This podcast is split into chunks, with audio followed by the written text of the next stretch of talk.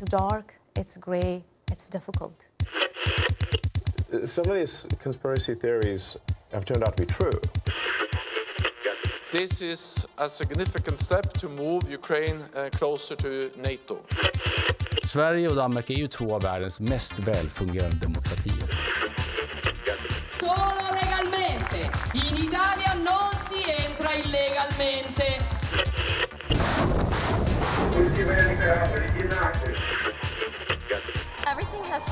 Place. I feel really good about where I am right now. Fredrickson of Denmark and uh, the, the Minister Jacobo, the daughter of Ireland. Do you guys ever think about dying?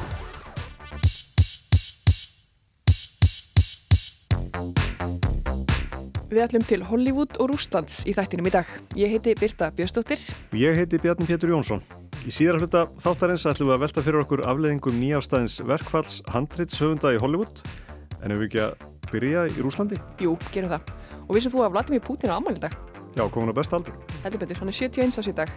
En við ætlum þó ekki að flytja honum mikil ammælisóð hér, heldur einblýna á þá staðarind að Rúsland er í 164. sæti á lista alþjóðasandakana fréttamanna án landamæra á listaðum ríki yfir öryggi bladamanna.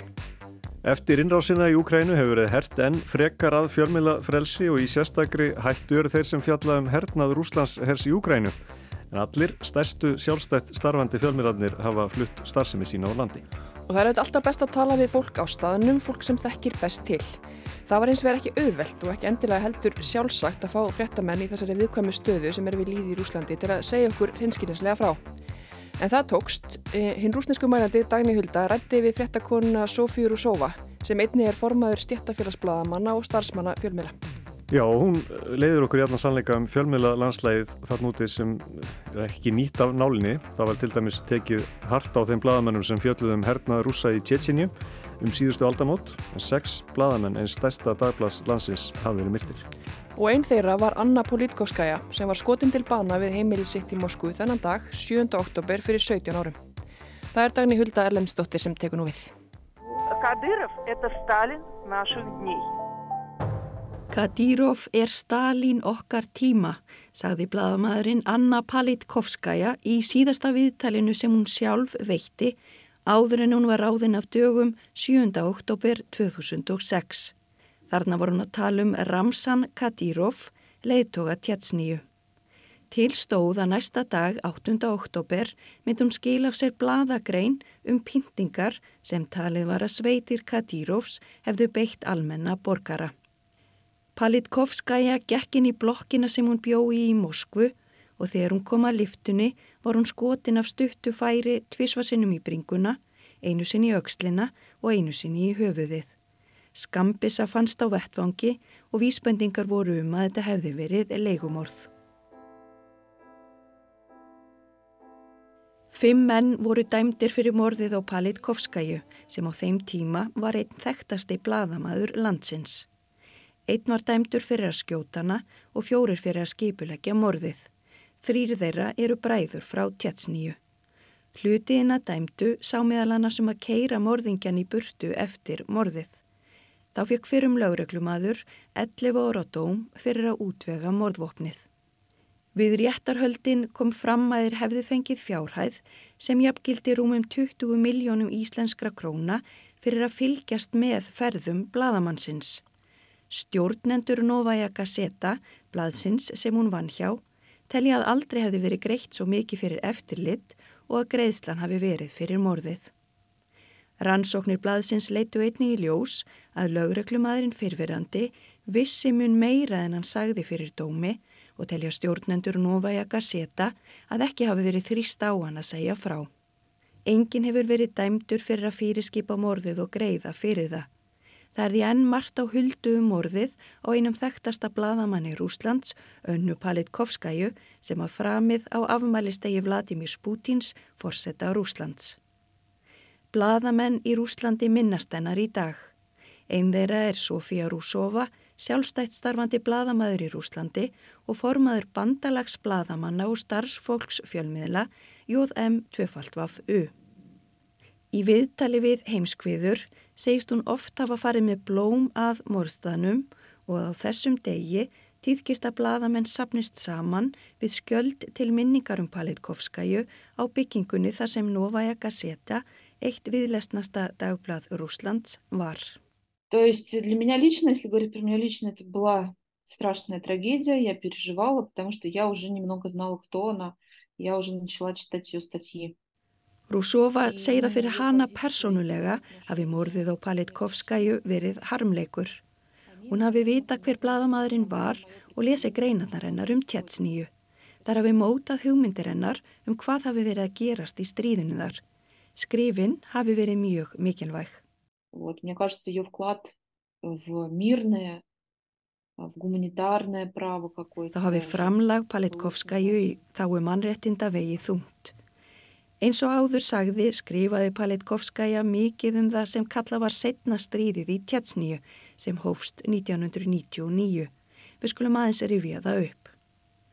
Það hófst sama ár og Pútín tók við völdum sem forsætisráþara og stóð til 2005. Ljósmyndir úr stríðinu minna á þær sem við sjáum þessa dagana frá Úkræinu. Sundursprengt íbúakverfi, skelving og skriðdrekar. Þúsundir almennra borgara byðu bana. Tjetsnýja sem er í norður Kákasus er í dag hluti af Rúslandi. Í stríðinu barðist Rúsland sér gegn aðskilnaðasinnum sem hefðu valdið miklum ófriði árin á undan. Talið er að upphafið að hernaði rúsa þar megi rekja til þess þegar sprenging varð í blokk í Moskvu og öðrum stöðum í Rúslandi þar sem 300 fórust. Stjórnvöld sögðu hriðjuverkamenn frá Tjetsníu bera ábyrð á þeim og Pútín fyrirskipaði árásir á Tjetsníu. Kenningar hafa heyrst um að það hafi í raun verið stjórnveldi í Rúslandi sem hafi fyrirskipað árásetnar í Moskvu og víðar til að réttlæta stríð við Tjetsníu. Eitt er að sem hjælt því fram var fyrir um starfsmaður rúsnesku leinithjónustunar FSB Alexander Litvinenko. Hann greindi frá niðurstöðum sínum í sama dagblæði og Anna Palitkovskaja skrifaði fyrir Núvaja Gazeta árið 2001. Fimm árum síðar lest hann í London eftir að hafa innbyrt geislavirt efni. Palitkovskaja sem margir minnast í dag fór oft til Tjetsníu og rætti við fólk þar. Hún skrifaði meðal annars um mistrýminga Rúslands hers og sveita Kadýr og Feðka á almennum borgurum. Þá skrifaði hann á gaggrínin hátt um Pútín, forsetta Rúslands. Í fréttum sagði hann morðið grimmilegt og að það þyrti að refsa þeim sem hefðu framiða en að kvatirnar að því gætu verið ymsar. Кто бы не совершил это преступление и какими бы мотивами эти люди не руководствовались, Þessi bladamaður var beittur gaggrínandi stjórnvalda og ég til að bladamenn viti og að minnstakosti sérfæðingar að áhrifennir og stjórnmál í Rúslandi voru minniháttar, sagði Pútín eftir morðið. Palitkovskaja hafði verið handtekinn þegar hún rannsakaði ásakanur um nöðganir, ofbeldi og morð Rúslandsers í litlu þorpi í Tjetsníu. Þá var henni haldið í þrjá daga og hótaða hún erði skotin, henni nöðgað og Rúslandser myndi skaða börninennar. Um tíma flúð hún land en snýrist uttu síðar tilbaka. Hún lísti því í viðtölum að hún hafi vitað að hún væri í hættulegu starfi. Ты работаешь журналистом в России, и ты э, как бы, понимаешь, что это рискованная профессия. Hún sagði að þetta væri líkt og með námuverkamenn. Þegar þeir færu nýður í námuna vissu þeir að það gæti verið þeirra síðasta. Það sé eins með bladamenn í Rúslandi. Það sagði hún að sé liði eins og hún væri að svíkja fólk ef hún hætti að fjallum stríðið í Tjetsníu. Ef hún myndi hætta í bladamennsku væri hún í raunin að gefa Kreml stóra gjöf. Það sagði hún frá því að hún hefði gert erðaskrá og búið börnin sín undir líf þar sem hennar nýti ekki lengur við. Þrátt verið hótanir hjælt Palitkovskaja starfi sínu áfram. Hún reyndi að hafa áhrif á rúsnesk stjórnvöld og sendi Pútín bref með hugmyndum sínum um lausn á deilu rúsa við aðskilnaða sinna í Tjetsníu eftir að 1100 voru tekin í gíslingu í grunnskóla í Beslan í norður Ossetíu í Rúslandi 2004. Vopnaður uppreysnarmenn frá Tjetsníu réðust inn í skólan og neituð að sleppa fólkinu nema Rúsland sér færi frá Tjetsníu. Eftir 50 klukkutíma umsátur réðist Rúslandsér til atlugu við uppreysnarmenn og beitti eldvörpum og fallbissum og voru stjórnvöld gaggrind fyrir að beita svona ónákvæmum vopnum. 330 byðu bana þar af 180 börn. Við uppaf gíslatökunar lagði Palitkovskaja af stað með áallin að flýju frá Moskvu til Bestlan og ætlaði að bjóða fram krafta sína í samningaviðræðum við gíslatökumennina. Allt kom fyrir ekki því eitrað var fyrir hann á leiðinni. Hún var meðvitundarlaus í þrjá sólaringa. Hún var gaggrínin á að fjölmiðlar hlýþóllir stjórnvöldum fjölluði lítið um stöðina í tjatsníu og að aðskilnaðarsinnar væru komnur út í horn og sagði að stríðið hefði verksmiðju framleitt hriðverkamenn. Palitkovskaja er síður en svo eini bladamæðurinn hjá Novaja Gazeta sem hefur verið ráðinn af dögum.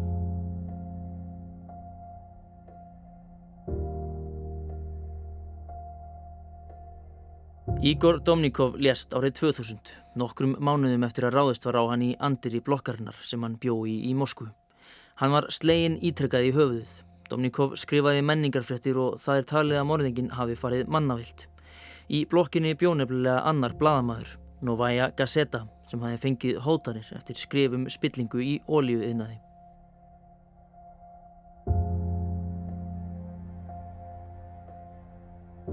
...2003 lést Júri Sikaciksin af dölarsvöldum veikindum sem talin er að hafa stafað af geyslavirkri eitrun. Hann hafi verið að rannsaka mögulegan hlut rúsnesku öryggistjónustunar í sprengingum í blokkum í Moskvu og öðrum borgum 1999, rétt áður en Pútín fyrirskipaði árásir á Tjetsníu.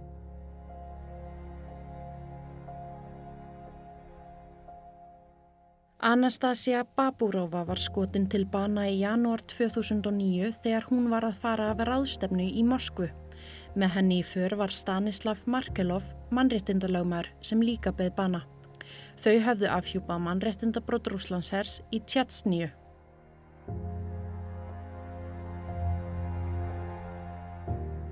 Natalíu Estemerovu, baráttu konu fyrir mannréttindum sem oft skrifaði inn á Voja Gazeta, var rænt í Grosni í Tjatsníu í júli 2009. Hún fannst skotin stuttu síðar. Sagt er að hún hafi á þeim tíma unnið að greinum um mannréttindabrót í Tjatsníu. Þá eru ótaldir þeir bladamenn sem ráðist hefur verið á en hafa lifað af. Árið 2019 kom lögregla fyrir fíknefnum á heimili bladamanns Medusa og ákjarðan svo fyrir vörsluð þeirra. Máli komst upp og bladamæðurinn slappið refsingu. Þekktir að lögreikla reyni að sverta mannorð bladamanna á þennan hátt. Síðasta sumar sátu vopnaðir menn fyrir leigubíl sem bladamæður Novaja Gazeta, Jelena Míla sína, var í jásamt lögmanni. Þeir börðana í höfuðið, brutu fingur hennar, rökuðu höfuð hennar og skvettu grætni málingu á hana. Hún var á leið frá flugvellinum í Grosni í Tjatsníu í réttarsal þar sem hún ætlaði að setja réttarhöld yfir móður baráttumanns fyrir mannréttindum.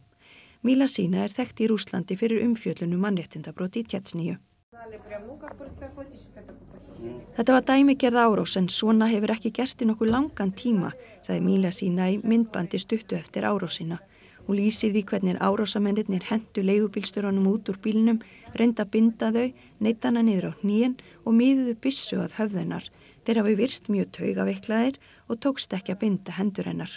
Ramsan Kadyrov, leiðtói Tjetsníu, hefur kallað bladamenn Novaja Gazeta djöbla.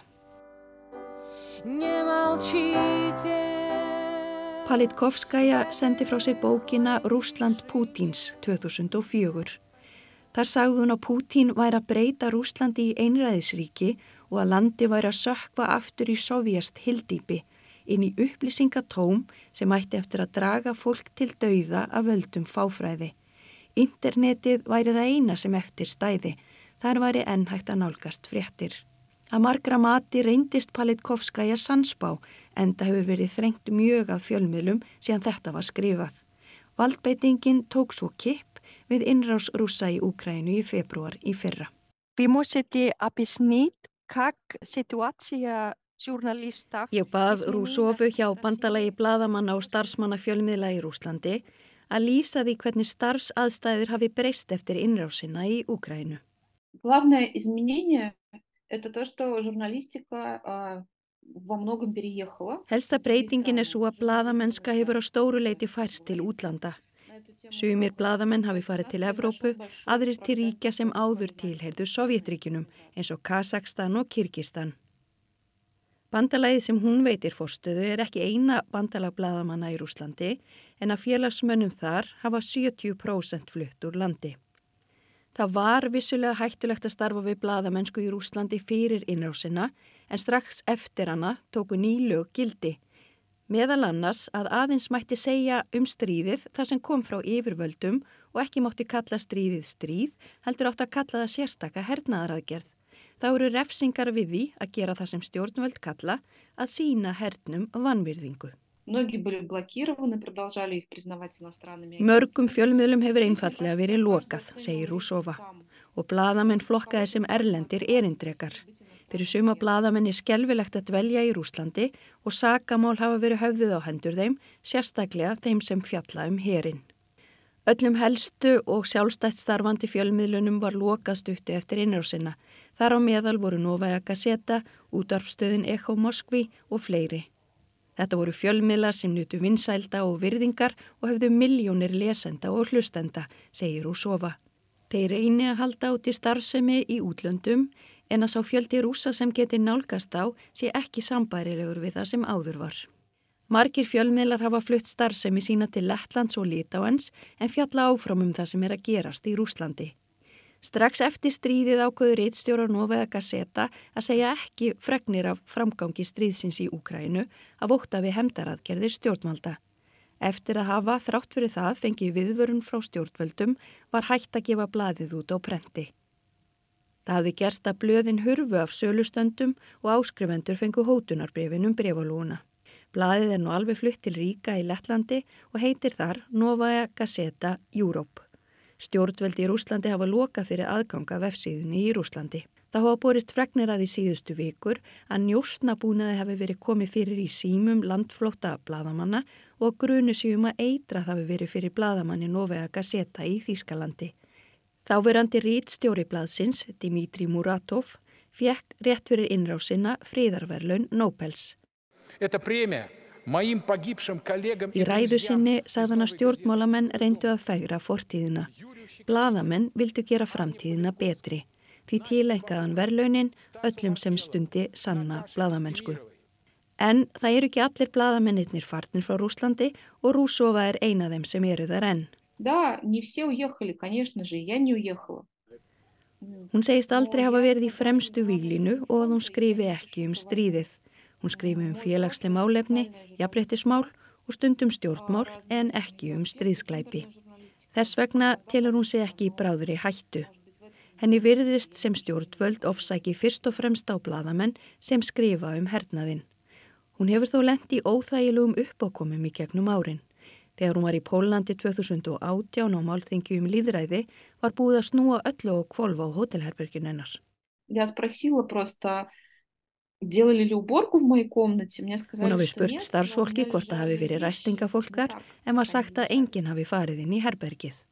Henni var ekki meint af en fannst þetta óþægilegt. Þá veit hún ekkert hver fóri gegnum fökkur hennar. Svo gerðist það í lit á henn og hún heimsótti vini sem eru bladamenn frá Rúslandi og skrifa um stjórnmál í heimalandinu. Þegar hún var með þeim á kaffihúsi var einhver þar inni sem byrjaði að taka myndband af þeim. Ну вот, то есть, и когда мы ушли, мы подождали, эти люди тоже сразу ушли. Þau ákvaðu að fara og viðkomandi eldi þau dágóðan spöl. Hún veit ekki hver þetta var. Hún segir stjórnvöld fylgjast náið með öllu sem bladamenn skrifu á samfélagsmiðla og einsteim sem bloggi.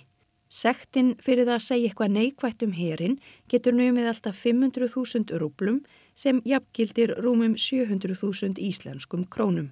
Þau í bandalagi bladamanna sem Rússofa veitir forstöðu eru í sambandi við bladamenn Erlendis og margir þeirra óttast að koma til Rúslands. Það hafi til dæmis hrætt marga þegar Ívan Gerskovits var handtekinn fyrir hálfu ári. Hann hafi ekki verið sakveldur en sé þó í fangelsi. Gerskovits sem er bandarískur er sakaður um njóstnir. Hann vannað efni um viðhorf rúsa til innósarinnar í Úkrænu og vagnir engahersins þegar hann var handtekinn. Verðan sakveldur geta nátt yfir höfði sér alltaf 20 ára á fangelsi. Það eru yfir 20 bladamenn í fangelsi, sumir fyrir sína personulegu skoðanir, aðrir fyrir störf sín og skrifum stríðið. Brúsova segir að dómarnir séu 5-7 ár. Það versta sé að fólk get ekki varið sig á neitt nátt fyrir dómi Ekki sitt ekki marka á því að fólk hafi bara verið að vinna vinnuna sína og láta mismunandi sjónan við koma fram. Þrátt fyrir allt sem á undan er gengið er Rússofa ekki þeirra skoðunar að það sé engin bladamennska eftir í Rúslandi. Það séu enn margir svæðisbundnir fjölmiðlar sem haldi starfsemi áfram, svo sem í Vladímir og Sotsi. Þessu ekki einn stórir og bladamenn myndu vilja en að þeir hafi sína hlustendur og lesendur og fjalli um svæðispundin mál. Svo séu líka fjölmiðlar og bladamenn sem virðist stiðja innrásina. Rúsova segir dæmi um að þeir hafa opnað skrifstofur og hernumtu svæðunum í Úkrænu. Þeir séu í öðru stjættarfélagi, bladamannasambandinu, sem sé það stærsta í landinu. Даже, наверное, ну, мне кажется, это понятно, да, всем, но все-таки вот федеральный... Svo eru það ríkisfjölmiðlarnir og þeir eru orðnir að áróðusmaskinum stjórnvalda, segir Rúsova. Þar séu margir sjónvarpstættir um stríðið og um það hversu slæmt ástandið sé á vesturlöndum. Hún segir að það séu falsfrettir og ránkverslur. Það geti þó verið snúið fyrir venjulega áhorvendur að gera sig grein fyrir því að því sé þannig farið. Sjónvarpið sé allra verst þegar komið að upplýsinga og reyðu. Sá miðil sé því miður orðin að áróðursvel stjórnvalda sem sé mjög slæmt vegna þess að það hafi svo marga áhorvendur, segir Rúsova.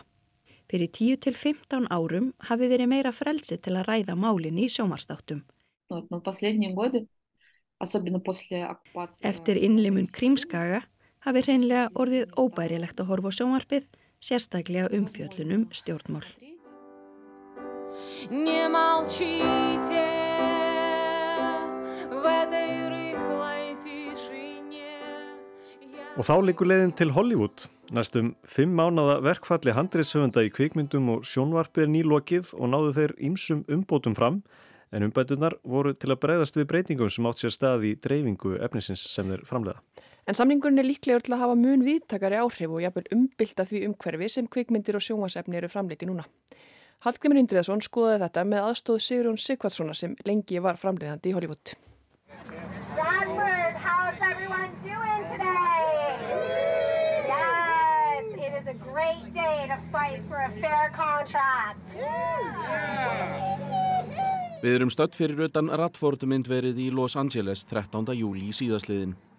Handrið söfundar í kvikmyndum og sjónvarpi standa, einu sinni sem oftar, fyrir kröfugöngu. 11.500 handritsöfundar hafa verið í verkvalli í rúma tvo mánuði eða frá 1. mæ og þennan dag höfðu leikarar ákveðið að fara líka í verkvall. Handritsöfundar höfðu síðast farið í verkvall fyrir 15 árum en 60 ár voru síðan bæði þeir og leikarar voru í verkvalli á sama tíma. Svona mótmælagöngur voru nánast daglegt brauð meðan á verkvallinu stóð og þó yfirleitt sapnast saman við höfuðstöðvar stóra framleiðenda hvort sem þið héttu Amazon, Netflix, Paramount eða Warner Brothers. Handritshöfundar eru, eins og nafni gefið til kynna, þeir sem skrifa setningarnar ofan í leikarana. Hvort sem þetta eru nýttinn tilsvör í gamanþáttum. How you feeling? Well, my apartment isn't there anymore because I drank it. Eða dramatísk skilaboð í stórmyndum. Then man your ships and may the force be with you.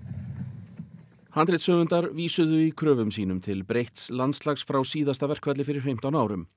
Þeir sögðu launin hafa versnað og vinnan hefði orðið óstöðugri með tilkomu streymisveitna og vildu þeirra bót er þeir áðin á því.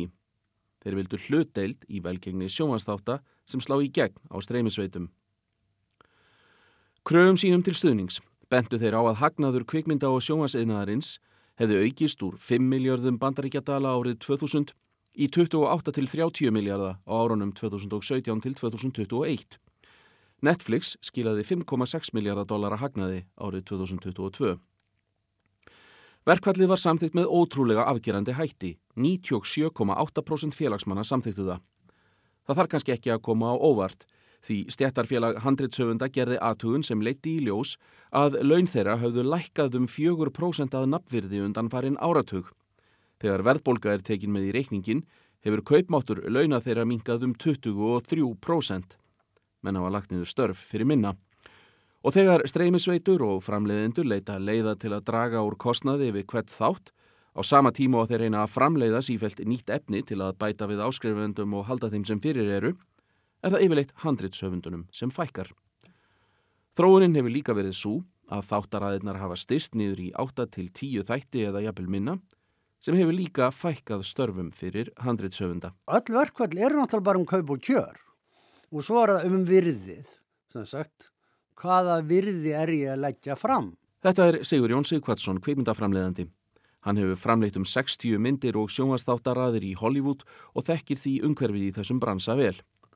Hann bendir á að handritsöfundar séu tvennskonar, þeir sem skrifa handrit út frá eigin hugmynd og þeir sem eru ráðnir til að skrifa eftir hugmynd annara. Þetta eru svolítið tveir ólíki hlutir vegna að ef handritsöfundur er algjörlega upphafsmanneskjan að handröndunum, þá er sjálfnast efi um það hver er höfundur verksins og þá er þetta spurning fyrst og fremst um, um höfundarétt og auðvitað er þetta verk að það snýst um kaup og kjör en það snýst líka um virðið. Hvernig meturu verkið?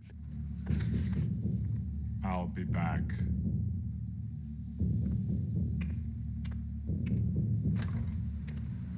Í gamla dagirönni var þögull samningur um hvernig virði verks væri metið soldið eftir því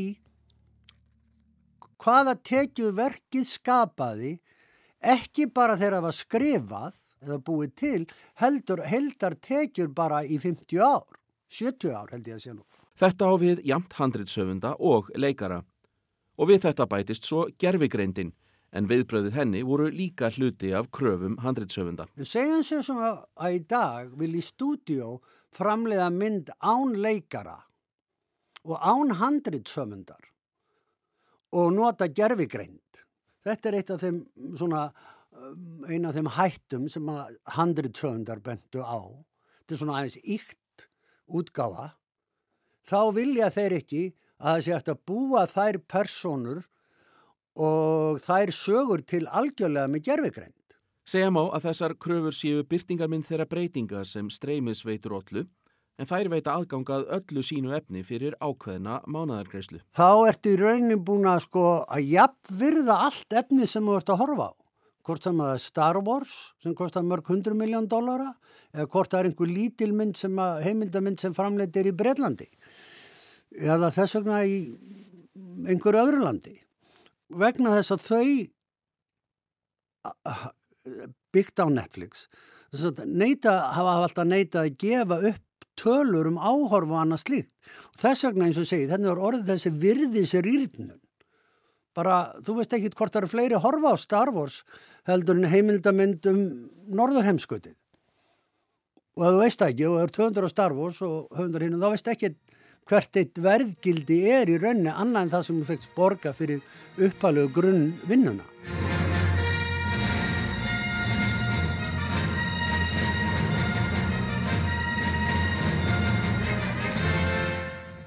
Dæmi um þetta eru þættirnir Suits sem hófu göngu sína í sjómarpi árið 2011 en eftir að þeir komu inn á Netflix í sömar slóðu þeir met í streymi yfir eina viku. You have power of attorney and you're going to accept this settlement. $2 million a plaintiff. You're going to take it. And you and that shit-eating grin are going to fly back to Boston and never come back to my town again. Vennulega í öllum þeim samningum sem hafa voru gerður í rauninni áður við stúdióin bæði fyrir 100 leikara kom til einhvers konar hérna hagnagreisla ef að verki væri farið að skila hagnaði. En Netflix bara klifti á þennan þráð. Bara, þau fáið bara einn greiðslu, við ætlum að borga okkur 20% meira ef að verki stildi verða vinsælt, en svo fáið ekki meira og okkur ber engi stilda einu svona til að sína það eða auglýsa það. Og þetta var til þess að það, svona, það var klift á þessa, þetta, virð, þetta virðismat á verki. Verkvallið hófst fyrsta mæ og fyrstu áhrifin voru merkjanleg viku setna þegar kvikmynda og sjómasveilun MTV sem áttu að fara fram 7. mæ var frestað. Ástæðan var að margir sem áttu að kynna verlunin þar á meðal aðalkynirinn Drú Barrymore dróði sig í hlið til að sína samstöðu með handritsöfundum. Mánuðum saman var ekkert samtal á milli handritsöfunda og framleiðenda En Sigurjón segir að þegar leikararnir bættust við hafi það haft áhrif. Til dæmis hafi það verið til umræðu að spjallþættir, meðal annars þáttur Drew Barrymore, heldur áfram án handritsöfunda.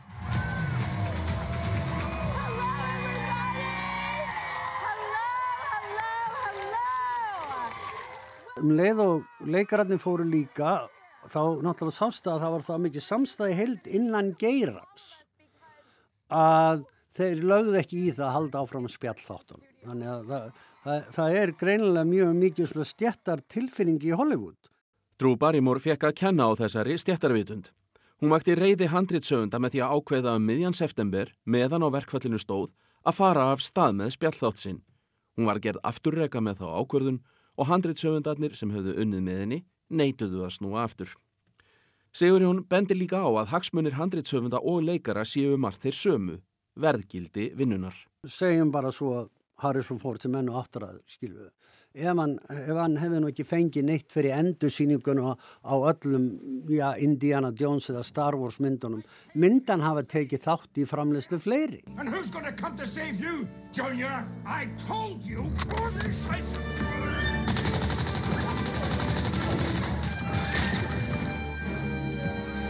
Don't call me Junior. Stjörnukerfið, stjörnusystem sem við hafðum, það auðvitað tryggði ákveði vergildi. Þú ert að koma með mynd og það er Leonardo DiCaprio og Julia Roberts sem er leikið inn í, þá ertu bara þegar búin að búa til ákveði virði með því að setja andlitin þeirra á, á vegspjaldið.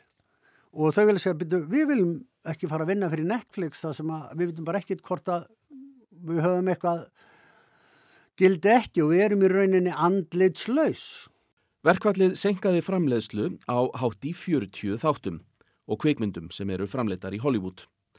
Frumsýningum á Marvel-myndum á borfið Blade, Captain America og framhaldskveikmyndum af Avengers og Avatar hefur verið frestað. Sem dæmi átti að frumsýna Avatar 3 í desember á næsta ári. Því hefur verið senkað um eitt ár sem og öðrum framhaldsmyndum af Avatar. Svo fymta verður sínd árið 2031. A world of wonder and mystery. Amazon hefur tilkynnt að hætt hafi verið við aðra seríu framtíðartryllisins The Peripheral og League of Their Own. Eins fór með sjómanstætti á borð við Abbott Elementary, Young Sheldon, Grey's Anatomy og Law and Order. Nýjar þáttaræðir verða ekki tilbúnar í haust eins og til stóð. Nýjum þáttaröðum af frægum þáttum á Netflix senkar líka, til dæmis af Emily in Paris og Stranger Things. Streymisveiturnar eiga þó efni til að bjóða fram. Það er erfiðara hjá sjómastöðunum og þeirra haustdagsgrá hefur fylst af raunveruleika þáttum og endurteknum þáttum. ABC sjómastöðin sem hefur verið með þættina The Bachelor kom til dæmis með nýja útgáfu The Golden Bachelor. Þar er piparsveitin sjálfur 72 ára ekkjumadur og þeir sem keppa um hilli hans þurfa að vera eldri borgarar, 65 ára og eldri. I'm falling in love with you, Gary. The last time that someone said those things to me was my wife of 43 years. Þessi þáttaröð átti reyndar að fara af stað 2020 en heimsfaraldurinn senkaði því. Hann var settur á 50. til að fylla rými sem skrifaður þáttur átti að fá.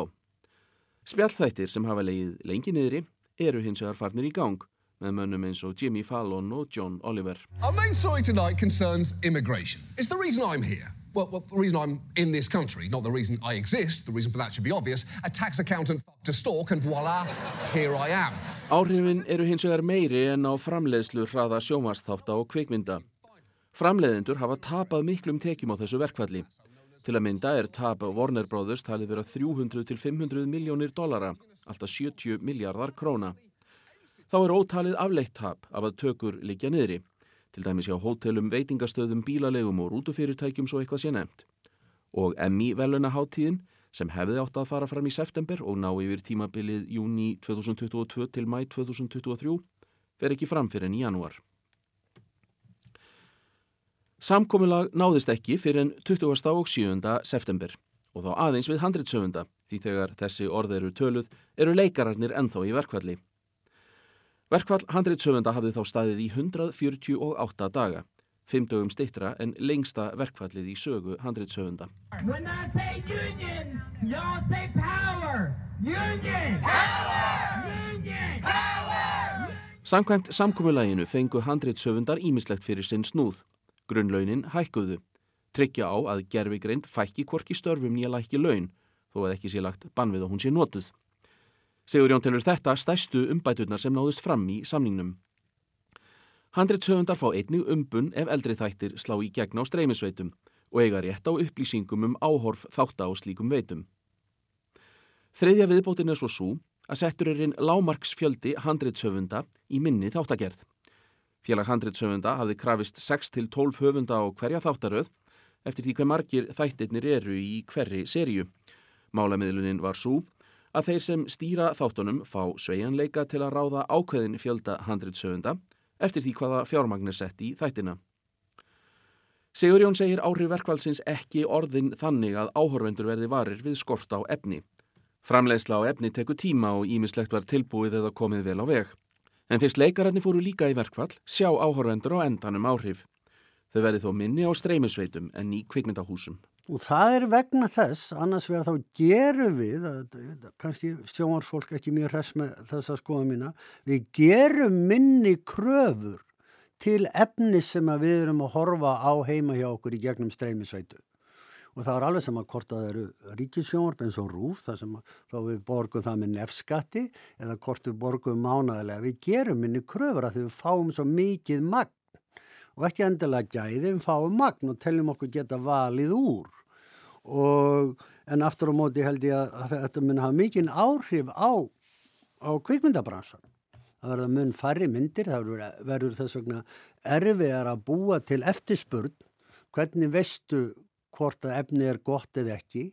Þá séu þau ekki hægt að framleiða sjónvasefni hraðar, meðal annars með tilkomu nýju samningana sem hækkar lámarksfjölda handreitsöfunda. Það verður mikil vöndun á nýju efni eftir svona 12-80 mánuði í einhverja 12-80 mánuðu eftir. Þetta er ekki spurningu um það. Sigur Jón segir afleðingar þessa samnings vera töluverðar fyrir myndverin. Ég held að þau eru uppi staðið þá skaðist rekstrar grundvöldu stúdíóna gífurlega mikið með þessum nýja samningi. Þau þurfa að sína mun meira gegnsægi heldur en það hafa áður gert og þau þurfa að greiða mun meira bæði fyrir í framlegslu og svo eftir gerð verksins og sem að ég held að það geti þýtta að þeirra framtíða tekjur og framleitu efni verði mun minni. Og til lengri framtíðar gætu afleiðingarnar verið enn alvarlegri. Ég er ekkit vissum það að þessu stúdíu verði til eftir tíu ár í þeirri mynd sem þau eru í dag. Ég var alveg hrettur um það. Þetta útskýrir Sigurjón með því að með tilkomu Netflix hafi tekjunar aukist af því að Netflix framleiti ekkert sjálft heldur keifti efni af öðrum framleiðendum. Þegar Netflix ákvað síðan að fara í eigin framleiðslu fannst framleiðendunum að þeir þýrstu að vera með eigin streymisveitur sem aftur ítti undir enn meiri framleiðslu. Þau missa tekjur og þurfa síðan að fara að framleiða miklu, miklu meira. Og ég held að þetta bara gjör breyti þeirra viðskiptamódeli algjörlega. Þau komast að því að það er alveg ótrúlega mikið efni sem þarf. Þau töpuðu þarna tekjum og, og neittu í raunin Netflix í það að fara að framleiða og að því að Netflix var í þessari sérstuð og það er ofta að það er að koma eitthvað nýtt inn það er hlut að gera hluta til að gerast með Spotify að, að þá er ekki búið að svona hugsa tekjumódili til enda og þess vegna gæti Netflix bara sagt er, já, komið bara hérna inn og við borgum ykkur 20% auka það er ekki dýstamargir horfa á þetta hvort þið er svo fer síðan á þetta fer um, verðmæta gildið í, í gang Sigurjón treysti sér ekki til að spá fyrir um hvað tekur við ef þessir hefbunnu framleiðendur verða ekki til í þessari mynd eftir tíu ár. Breytingarnar verða þó töluverðar og nefnir þetta dæmi af Netflix. Gamla tekjumótil Netflix er ekki alveg að virka fyrir Netflix lengur vegna þess að þeir eru, þurfa, þeir eru búin að missa svo mikið efni, þeir eru farin að þurfa að gera ráð fyrir því að þurfa að framleiða allt sjálfur. Og núna koma þessi nýju samlingar, þannig að þeir eru að hækka bæði verðin og bæta af auglýsingum sem er auðvitað bara gamalt mótel. En það er einhverjum 15-17 biljón dólar á ári. Þeir séast geta gert það, þeir geta framleitt sem sagt fyrir sömu fjárhæðaði fyrra, jafn mikið efnuði gerðu árin áður. Og þá segir maður, ok, hvernig gerar það? Jú, auðvitað með því að eigða minni hvert þátt. Það er samt mis auðvelt fyrir fyrirtæki í framleiðslu að standa ströym af framleiðslukostnaðinum. 20 biljón dólar fyrir Apple er ekki neitt ári 20 biljón fyrir Amazon er ekki neitt það skiptir ekki, sko, það reyfur ekki nálina þetta er fyrirtæki sem er alltaf triljón dólar að verði þegar Apple hefur farið sem hæðst og það sem mér hefur fundist og ég hef séð að einlega gæðin á þeirra efni þeir, þeir hafa farið svolítið ólíkt af stað en til dæmis gæðin á Apple efninu Apple er ekki að framlega það mikið en gæðin eru bara ansi há. Meðan Netflix verður bara framlega og framlega og framlega þess vegna eru gæðin mjög misjöfn. Og stúdíóin sjálf sem þurfa þar að ekki að bæta í framlistunum sína sem voru með áður fóruð og eða kannski 12-13 biljónum dólar á ári bara fyrir kvikmyndirnar og sjónvarsætuna sem þau framleitu fyrir þá, þá, þá glugga sem voru áður. Nú þurfa að bæta við í streymisveituna fyrir að þeir þurfa að reka þær. Þannig að ég held að, að þetta verði töluvert annað, annar leikur eða við segjum öðruvísi game. Og ég er ekki vissum að þetta já, stúdiómódel sem við kallum í dag, þessi 7-8 stúdió, þeim mun fækka þegar Fox rann inn í Disney, muni verða til eftir tíu. Þetta verða loka orðin í heimskviðum þessa vikuna. Við verðum hér aftur á sama tíma í næstu viku. Takk fyrir að hlusta.